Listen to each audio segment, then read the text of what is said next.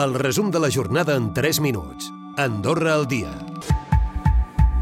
Informativament, avui ha estat una jornada marcada per les altes temperatures, però hi ha hagut un altre aspecte també que calia destacar, la crònica judicial, i és que la plataforma de sindicats ha presentat una demanda a la Vallia en contra de la decisió de l'executiu de no apujar el 3% el complement de millora dels funcionaris i augmentar només el sou base. Dins encara aquest àmbit laboral, Estadística ens informava que Andorra segueix situant-se entre els països europeus amb la ràtio d'incidència més elevada en quant a sinistralitat laboral, una tendència a l'alça que es produeix des del 2020. Un de cada tres accidents laborals ha estat a la construcció i per sectors laborals el segueix el comerç amb un 15% i l'hoteleria amb un 9%. I seguim encara al mateix àmbit perquè la conciliació laboral continua tenint a les dones com a principals motors en quant a la cura dels infants a tots els nivells.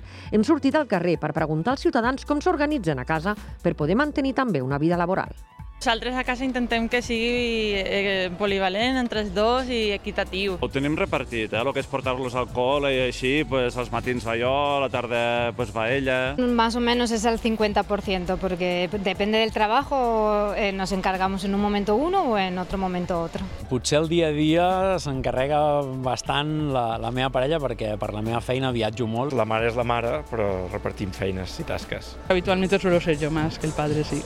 I els alcaldes de diferents localitats veïnes de l'Arieja ens han visitat. Lamenten que siguin només una zona de pas per arribar a grans ciutats com Tolosa i proposen, tal com explicava l'alcalde de Tarascó, Alain Sutra, reforçar les iniciatives conjuntes amb Andorra.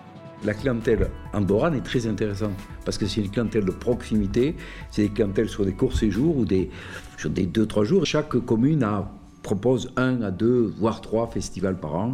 Et ça, c'est très intéressant. Quoi. Et, et c'est pas, pas très loin. Hein. Dans une heure, on peut passer un bon week-end, euh, vraiment avec une diversité d'activités. En la mateixa delegació estava l'alcalde d'Aix-le-Terme, Dominique Fourcade, que ha explicat que el contraband també és una problemàtica comuna que preocupa els veïns francesos, sobretot per la sensació d'inseguretat que crea. Qui source d'insécurité? Pour nous, chez vous? Peut-être pas, mais chez nous oui. Sur les chemins de randonnée, euh, ça, commence à devenir un problème quand vous croisez des, groupes de, de, contrebandiers. Ça arrive souvent. Hein. Des amis accompagnateurs qui me racontent ça, ça arrive souvent. Donc, se dire qu'un jour, euh, voilà, vous faites une résidentielle haut de gamme, ben, le reste, euh, lâchez et ça fera du bien à tout le monde. I dia d'arrencada de la tercera recollida de sang impulsada per Creu Roja. La d'aquest mes de juliol és de les essencials de l'any, donada l'alta sinistralitat a les carreteres durant aquesta època de vacances. Ens ho ha recordat avui en directe Joan Saurí, secretari general de l'ONG. Els bancs de sang estan doncs, manera crítica i és molt important doncs, no solament aquí sinó que tot arreu es dongui sang. I, i més ara, per exemple, a l'estiu, hi ha accidents, la gent està de vacances, no dona hauria de donar. Recupera el resum de la jornada cada dia a AndorraDifusió.d i a les plataformes de podcast.